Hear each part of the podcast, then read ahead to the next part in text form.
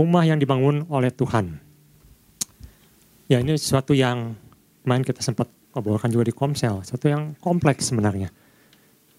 Kehidupan dalam keluarga, hubungan suami istri, hubungan dengan anak khususnya peran imam. Tidak mudah. Tapi saya percaya kalau Tuhan sudah sampaikan pesan ini, kita harus lebih mengerti dan kita harus minta kekuatan pada Tuhan untuk boleh melakukannya.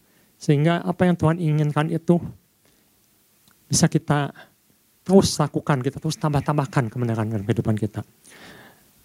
Saya mengatakan, rumah tangga yang kita bangun adalah sebuah proyek besar yang Tuhan mau kita membangunnya dengan serius. Dan kedua, rumah tangga yang dibangun harusnya menjadi wakil kerajaan Allah atau kerajaan surga di bumi ini. Ini berhubungan dengan peran orang percaya sebagai duta kerajaan Allah, sebagai wakil kerajaan Allah. Dan pesan ini minggu ini mengatakan masih didapati rumah-rumah tangga yang masih belum selesai dibangunnya. Mungkin pintunya masih bolong, ada lubang, jendelanya pecah, bisa macam-macam. Tapi yang jelas masih perlu diperbaiki, masih perlu dibebenahkan. Dan tentunya harus melibatkan Tuhan dalam semua proses ini. Mazmur 127, kita akan baca, khususnya di ayat yang pertama dahulu. Nyanyian siarah Salomo, jikalau bukan Tuhan yang membangun rumah, sia-sialah usaha orang yang membangunnya. Diulang kembali, jikalau bukan Tuhan yang mengawal kota, sia-sialah pengawal berjaga-jaga. Bahkan ayat kedua dikatakan, sia-sialah kamu bangun pagi-pagi dan duduk-duduk sampai jauh malam, dan makan roti yang diperoleh dengan susah payah, sebab ia memberikannya kepada yang dicintainya pada waktu tidur. Banyak kata-kata yang diulang, sia-sia, sia-sia. Artinya apa? Percuma, gagal, tidak memenuhi target. Bukan itu yang Tuhan inginkan. Mazmur ini ditulis oleh Salomo. Bagaimana sudah jelaskan, secara fisik, secara rohani, Salomo itu berhasil membangun bait Allah, membangun kerajaannya begitu hebat, bahkan mungkin bisa disamakan dengan keunggulan Babilonia waktu zaman Abraham, waktu zaman awal. Luar biasa. Bahkan dikatakan di Alkitab tidak ada seorang pun yang melebihi hikmat dari Salomo. Tapi kita lihat dalam perjalanan kehidupannya, rupanya faktor rohani ini mulai luntur, mulai ditinggalkan. Salomo lebih banyak berkutat dalam kehidupan jasmani. Dan kita lihat, kerajaannya mulai pecah Memang Tuhan katakan tidak langsung pecah. Tapi nanti lewat anaknya Rehabeam akan terpecah kerajaan menjadi sepuluh suku dan dua suku. Jadi ini ada sesuatu yang menggambarkan bagaimana sesuatu yang dibangun, dimulai oleh roh, tapi diakhiri oleh daging. Dan Tuhan tidak ingin kita melakukan hal yang sama. Tetapi Salomo menuliskan ini, ini satu peringatan dan juga satu tuntunan bagi kita. Apa yang terjadi jikalau kita hanya bekerja keras misalnya. Kerja dari pagi, Senin sampai Minggu, bahkan ada yang kerja 24 jam. Ada yang kerja tidak berhenti, tiap hari bekerja. Kalau mau katakan sia-sia, kalau bukan Tuhan yang memberkati, sia-sia kalau bukan Tuhan yang memberikan berkat, bukan Tuhan yang memberikan perkenanan, bukan Tuhan yang mempertemukan.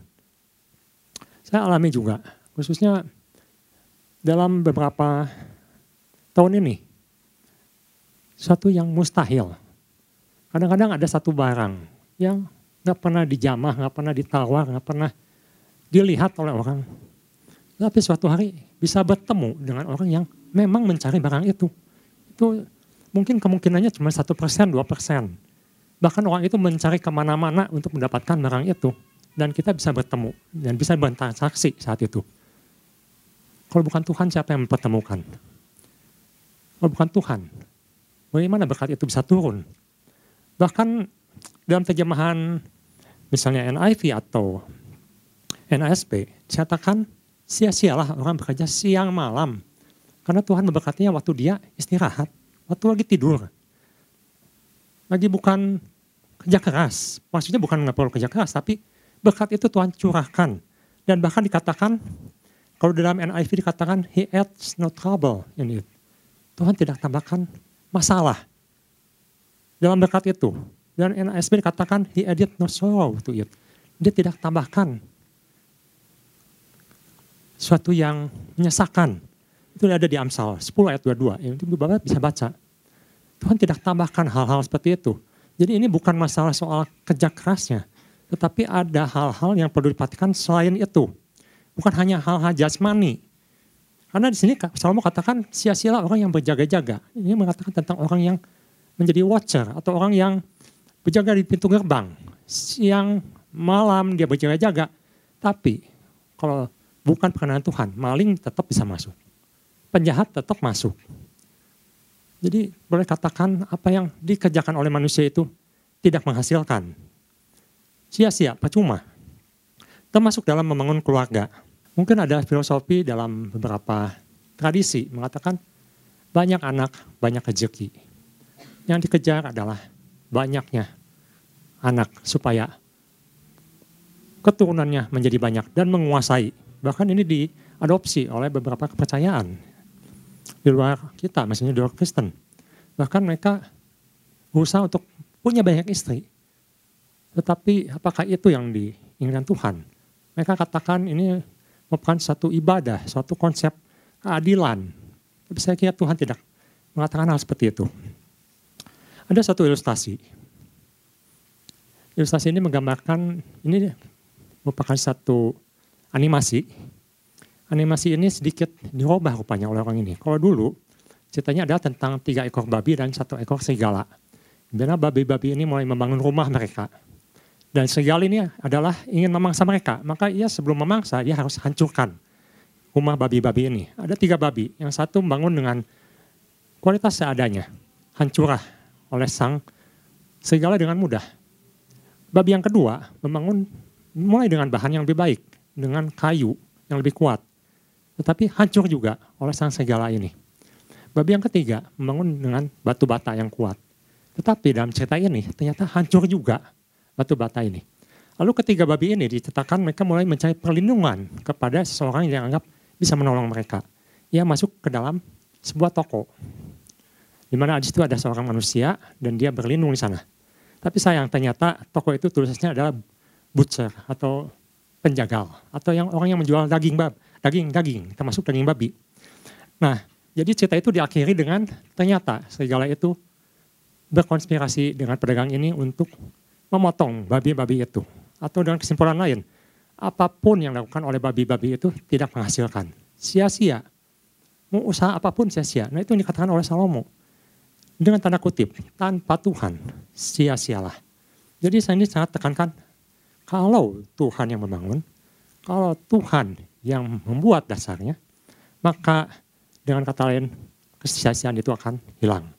Oleh karena itu yang pertama, rumah tangga yang dibangun harus di atas dasar yang kokoh atau teguh dan mulia. Rumah tangga yang dibangun harus di atas dasar yang kokoh atau teguh dan mulia. Mazmur pasal 127. Jikalau bukan Tuhan, atau kalau saya balik katanya, kalau Tuhan yang membangun, atau kalau kita di dalam Tuhan yang membangun rumah, maka pekerjaan berjaga-jaga itu akan berhasil. Maka Tuhan akan melindungi, maka Tuhan akan memberkati, Tuhan akan mempertemukan, Tuhan akan membuat berhasil. Bahkan di ayat ketiga, empat, dan lima, di situ katakan Tuhan berikan anak-anak yang perkasa. Suatu keluarga yang utuh, suatu keluarga yang kuat, suatu keluarga yang berhasil, dan ditambah menghasilkan generasi yang luar biasa. Terjemahan lain mengatakan suatu pusaka dari Tuhan dan suatu hadiah atau gift dari Tuhan. Jadi anak ini ada sesuatu yang diberikan oleh Tuhan menjadi suatu kebanggaan dalam keluarga. Mari kita lihat sebelum masuk ke inti permasalahannya. Kita lihat bagaimana prinsip yang benar ini, prinsip yang kokoh ini, atau prinsip yang mulia ini. Jadi kejadian pasal 2 ayat 18, di situ dikatakan, pertama kalinya Tuhan mengatakan kata tidak baik dalam Alkitab. Ketika Tuhan menciptakan semua baik, baik, baik, baik. Tuhan menjadikan terang baik, menjadikan hal-hal penciptaan binatang semua baik. Tapi pertama kali di kejadian 2 ayat 18 Tuhan katakan tidak baik. Ini menjadi satu pertanyaan secara teologis juga. Mengapa Tuhan katakan tidak baik? Bukankah semuanya sudah dikatakan baik? Bahkan Tuhan menciptakan manusia adalah baik. Tetapi ada satu kata di sini yang tidak baik. Mengapa tidak baik? Karena manusia ini belum lengkap. Tuhan katakan Adam sendiri tidak baik. Makanya di sini adalah suatu permulaan atau satu awal, satu pembangunan di mana Tuhan sendiri yang berinisiatif. Memberikan satu keluarga untuk Adam. Karena Tuhan katakan tidak baik Adam ini seorang diri. Perlu seorang perempuan, perlu seorang pendamping, perlu seorang penolong untuk mengenapi setiap mandat atau setiap otoritas yang Tuhan berikan. Jadi di sini saya lihat pasangan itu atau wanita itu bagi dalam suatu keluarga itu sangat penting, bukan penting, sangat penting. Memang kita akan berfokus pada laki-laki, peran seorang laki-laki, seorang bapak. Tapi jangan lupa juga Tuhan katakan peran seorang perempuan ini sangat-sangat penting. Kenapa? Karena ini ada satu prinsip awal atau prinsip dasar yang Tuhan lakukan ketika dalam penciptaan. Tuhan katakan tidak baik kalau Adam seorang diri. Perlu seorang penolong yang sepadan, yang seiman. Nah, atas dasar ini saya bandingkan dengan kerja keluaran pasal 28 ayat 15 sampai 21 ketika Tuhan mulai membimbing umat Israel keluar dari Mesir dan dia membuat satu aturan. Satu aturan, yaitu dikata satu yang harus dilakukan oleh setiap umat Tuhan dengan seorang pemimpin rohani, khususnya orang Lewi atau imam. Mari kita lihat di keluaran pasal 28 ayat 15 sampai 21 ini ada satu yang menarik. Karena di sini ternyata Tuhan itu dalam membangun sesuatu itu tidak asal-asalan. Keluaran pasal 28 ayat 15 sampai 21. Kita akan baca selewat, saya cepat. Haruslah engkau membuat tutup dada pernyataan keputusan buatan seorang ahli. Buatannya sama dengan baju efod, demikianlah harus engkau membuatnya yakni dari emas, dari emas. Kain ungu tua, kain yang berkualitas, kain untuk kaja. Kain ungu muda, kain kimisi, dari lenan halus yang dipintal benangnya, harus engkau membuatnya. Selanjutnya, haruslah itu empat persegi, lipat dua, sejengkal panjangnya dan sejengkal lebarnya. Selanjutnya, haruslah kau tata itu dengan permata. Permata ini ada batu mahal. Atau kita kenal dengan kata akik batu akik kalau di Indonesia ya. Empat jajak pemata, ada empat jajak. Pemata yakpis merah, krisolit, malakit, itulah jajak yang pertama. Jajak yang kedua, pemata batu darah, lasurit, yaspis hijau. Jajak yang ketiga, pemata ambar, akik kecubung, yang ke-20. Jajak yang keempat, pemata virus, kesopas, nefrit, dengan berikatkan emas, demikian angka pemata-pemata itu dalam tatahannya. Di sini katakan harus dipakai oleh imam dengan batu-batu mulia. Bukan batu yang murah, tapi batu yang berharga, batu yang mahal harganya, batu yang indah. Dan yang lebih luar biasa di di situ dituliskan, nanti beberapa bisa lanjutkan baca. Di batu-batu itu tertulis nama suku-suku Israel. 12 suku Israel ditatahkan pada batu itu. Artinya apa? Artinya semua suku itu berdasarkan atau dibangun atas dasar sesuatu yang mulia, yang kuat, yang indah. Nah, kita lihat di Wahyu 21 ayat 18 sampai 21. Ini ada suatu apa yang akan terjadi nanti atau standar Tuhan dalam membangun rumah. Kita akan lihat bagaimana nanti kita akan sendiri akan melihat ketika kita dari sana. Wahyu 21 ayat 18 1 21. Tembok itu terbuat dari permata yaspis. Kita bandingkan ya. Eh, bukan apa nama pematanya tetapi kualitasnya. Dan kota itu sendiri dari emas tulen. Emas tulen artinya emas murni. 24 karat. 24 karat itu artinya tanpa campuran sama sekali. Murni. Bagaikan kaca murni. Ayat 19. Dan dasar-dasar tembok kota ini ada merupakan dasar dihiasi dengan segala jenis permata. Dasar yang pertama yaitu yaspis. Dasar yang kedua nilam. Dasar yang ketiga batu mirah. Dasar yang keempat batu jamrut. Dasar yang kelima, batu enam. Dasar yang keenam, batu sardis. Dasar yang ketujuh, batu rata cempaka. Yang kedelapan, batu beril. Yang kesembilan, batu kisolit. Yang kesepuluh, batu kisopas. Yang kesebelas, batu laswardi. Dan yang kedua belas, batu kecubung. Bayangkan apa yang dipakai untuk fondasi di sana adalah batu-batu mulia. Kita tahu batu di sini yang sebesar kelereng lah anggapnya. Itu bisa bisa mencapai ratusan juta. Ada yang mencapai ratusan juta, bahkan ada yang miliar nilainya. Bayangkan ya apa yang kita biasa bangun di rumah memakai batu kali, setahu saya secara umum memakai batu kali fondasinya untuk satu lantai. Batu-batu yang diambil di kali, batu-batu besar sebagai fondasi Bayangkan apa yang Tuhan bangun, memakai batu mulia untuk fondasinya. Jadi kita bisa perhatikan, Tuhan kita ini adalah satu Tuhan yang selalu membangun di atas dasar yang mulia. Satu dasar yang baik, yang mahal, yang berharga. Dan ini yang jadi satu perenungan ketika saya menyiapkan bahan ini.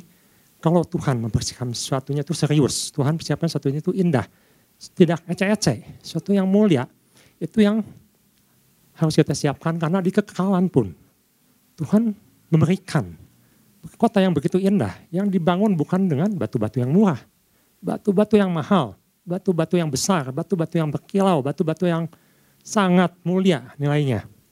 Nah ini kita bisa bandingkan dengan pernyataan Paulus, bagaimana kita bisa membangun suatu keluarga dengan nilai-nilai seperti itu. 1 Korintus pasal 3 ayat 10 sampai 11 ada dasar pembangunan yang di mana kita masih hidup di bumi ini dan Paulus katakan kita harus bangun di atas dasar ini. Atau Korintus 3 ayat 10 sampai 11. Sesuai dengan kasih karunia Allah yang dianugerahkan padaku, aku sebagai seorang ahli bangunan yang cakap telah meletakkan dasar dan orang lain membangun terus di atasnya. Tetapi tiap-tiap orang harus memperhatikan bagaimana ia harus membangun di atasnya. Karena tidak ada seorang pun yang dapat meletakkan dasar lain daripada dasar yang telah diletakkan yaitu Yesus Kristus. Kunci jawabannya adalah Yesus Kristus. Jadi apa yang Tuhan lambangkan ketika dia membuat satu keimaman dengan dasar yang mulia, membangun satu bangunan yang kekal dengan dasar yang mulia, Paulus katakan dasar itu adalah Kristus.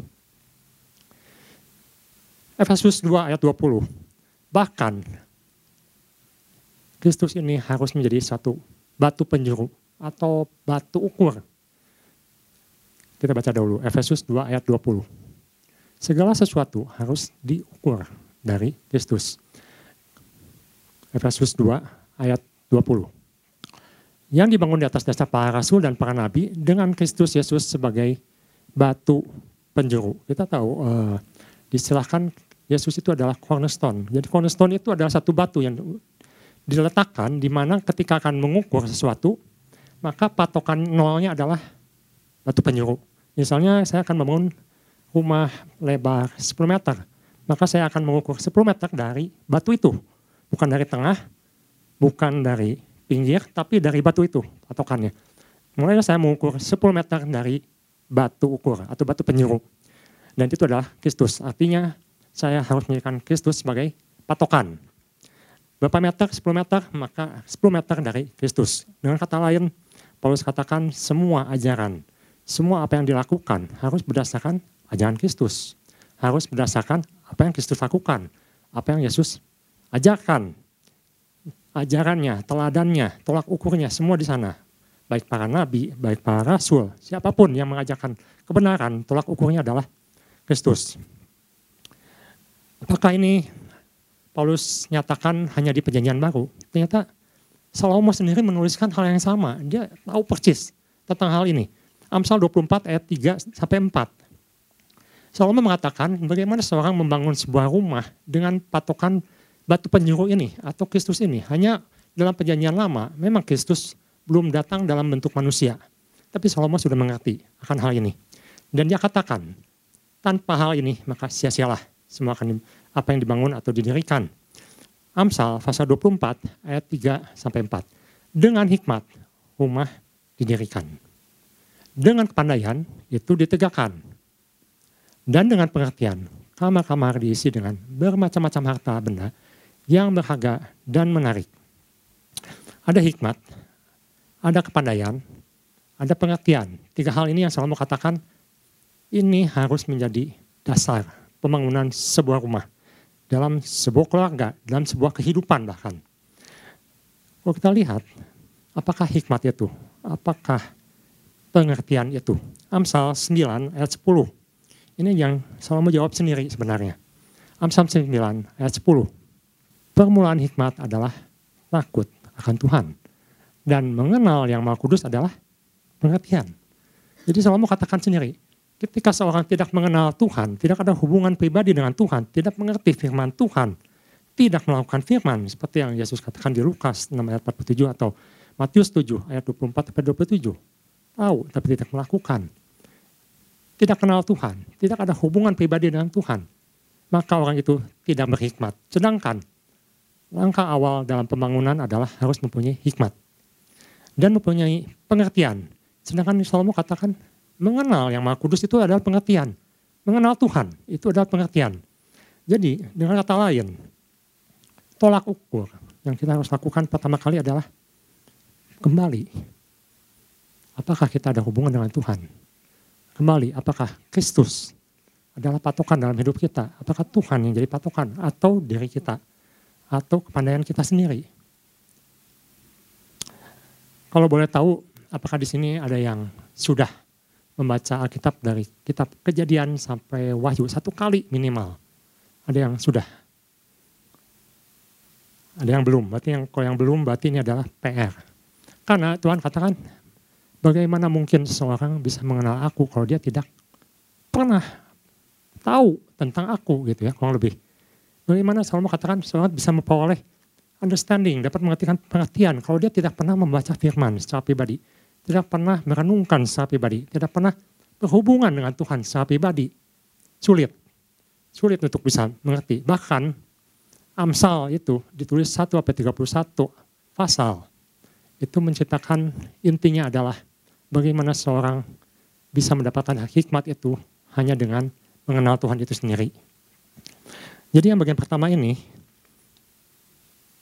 kita harus akui, tidak ada cara lain dalam memproses atau membangun sebuah kehidupan keluarga, sebagai, baik sebagai imam, baik sebagai istri, sebagai keluarga, dalam kehidupan ini dasarnya tetap adalah Yesus. Patokannya adalah Yesus, Kristus.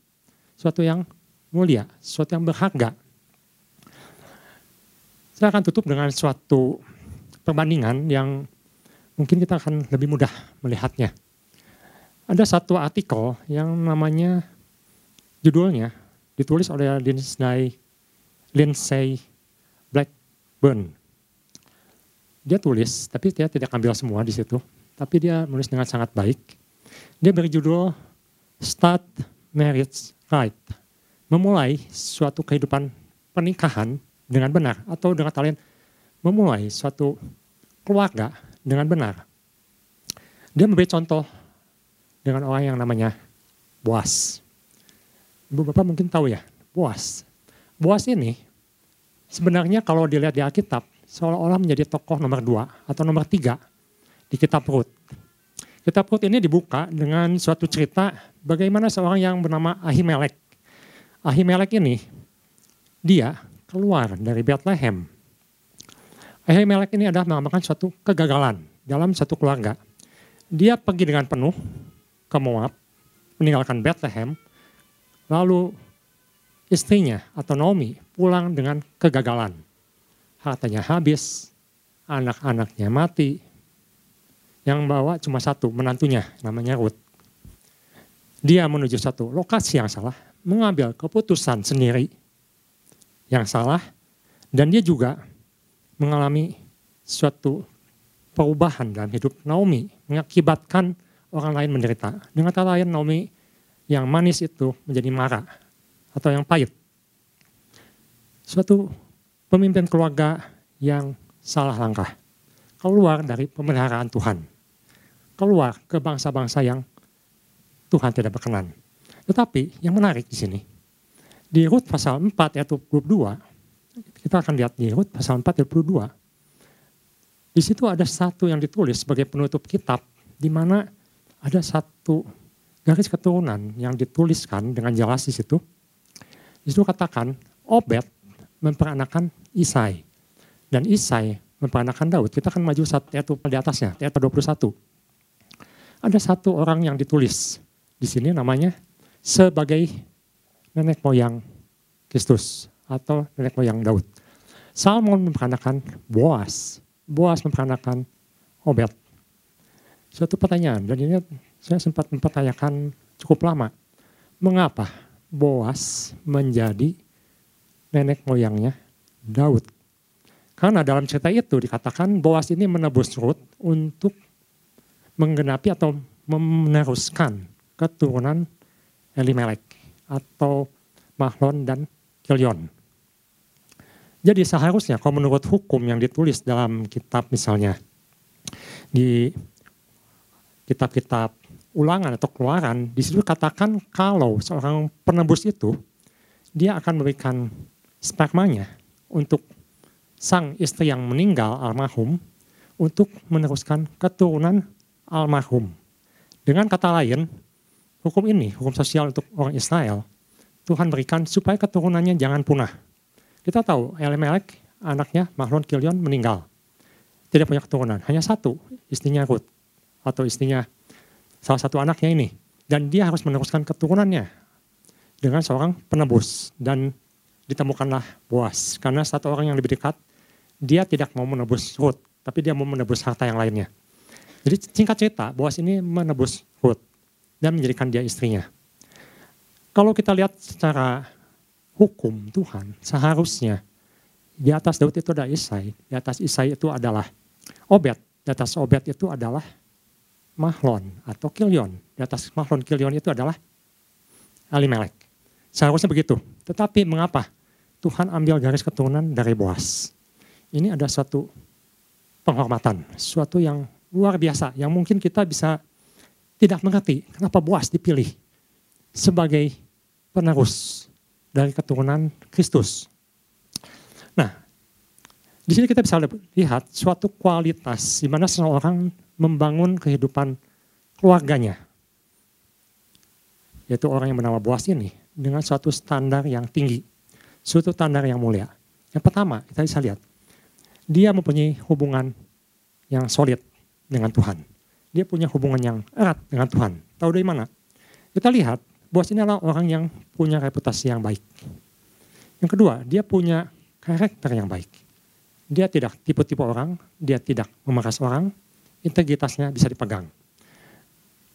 Yang ketiga, dia punya pengendalian diri.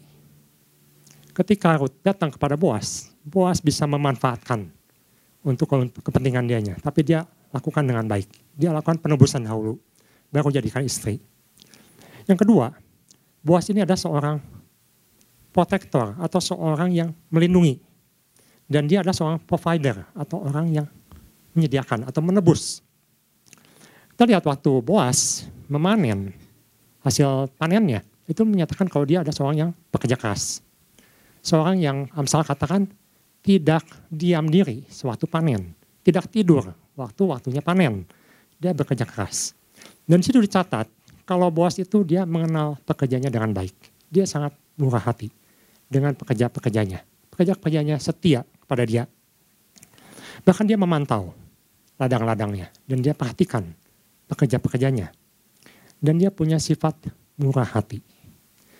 Kita tahu di mana dia murah hati. Karena dia melakukan hukum sosial yang Tuhan katakan. Kalau memanen, jangan menyisakan, uh, maksudnya jangan dibabat semua. Sisakan sebagian apa yang terjatuh, jangan diambil lagi. Apa yang di belakang, jangan diambil lagi. Disisakan untuk para janda-janda miskin, orang-orang miskin, atau orang asing. Dan kita lihat dalam cerita Ruth, Ruth itu adalah orang asing yang datang ke Boas, ke ladang Boas. Dan dikatakan di situ, Boas malah katakan pada sisakan yang banyak. Sisakan yang banyak. Orang yang murah hati dan dia melakukan hukum Tuhan, hukum sosial Tuhan. Dan yang ketiga, ini ada satu yang luar biasa di mana Mengapa dia dipilih menjadi nenek moyangnya Yesus? Karena dia adalah seorang penebus. Penebus, penebus yang membebaskan, penebus yang membuat Naomi hidup kembali. Penebus yang membuat Ruth bisa memperoleh keturunan. Penebus yang mengorbankan hartanya, mengorbankan kepentingannya untuk orang lain. Dan ini yang dipuji oleh Tuhan dari seorang Boas. Dikatakan Boas ini adalah seorang penebus. Bukankah ini juga yang menjadi visi kita di tahun ini? Menjadi seorang pembebas. Penebus itu adalah seorang pembebas. Pembebas yang mencelikan mata yang buta. Pembebas yang membimbing keluarga. Pembebas yang memberikan teladan. Pembebas yang memberikan kasih. Pembebas yang mencerminkan Kristus. Memang mungkin ini sangat ideal. Kalau saya bandingkan bagaimana seorang laki-laki seharusnya bersikap seperti Boas ini. Tapi Tuhan memang pakai standar yang tinggi. Dan ini tidak mudah. Termasuk saya sendiri. Saya melihat standar Tuhan tidak mudah. Tetapi satu standar itu memang harus tinggi. Dan satu standar itu harus mulia. Karena itu yang dituju. Bukankah Paulus katakan, engkau menjadi seperti Kristus. Standarnya Kristus. Mungkin kita akan bilang, mana bisa Pak, saya seperti Kristus. Hidup saya aja masih bolong-bolong, masih banyak yang harus ditambal. Tetapi bukankah Tuhan katakan, mulai sekarang, mulailah tambal yang bolong-bolong itu. Mulai ya, benahi pintu yang berlubang itu. Mulai bereskan yang nggak benar itu. Sesuai dengan ajaran Kristus. Jadi pagi hari ini, bukan sesuatu yang mengawang-awang, bukan sesuatu yang tidak mungkin.